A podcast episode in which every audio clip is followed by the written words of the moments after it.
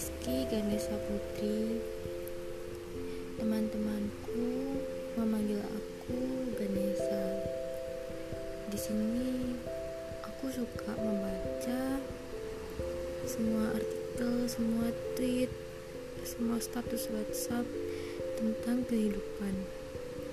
Kenapa? Karena hidup saja itu sudah sebuah keajaiban buatku itu adalah sebuah keajaiban. Jadi gimana aku kurang bersyukur? Gimana aku selalu sambat?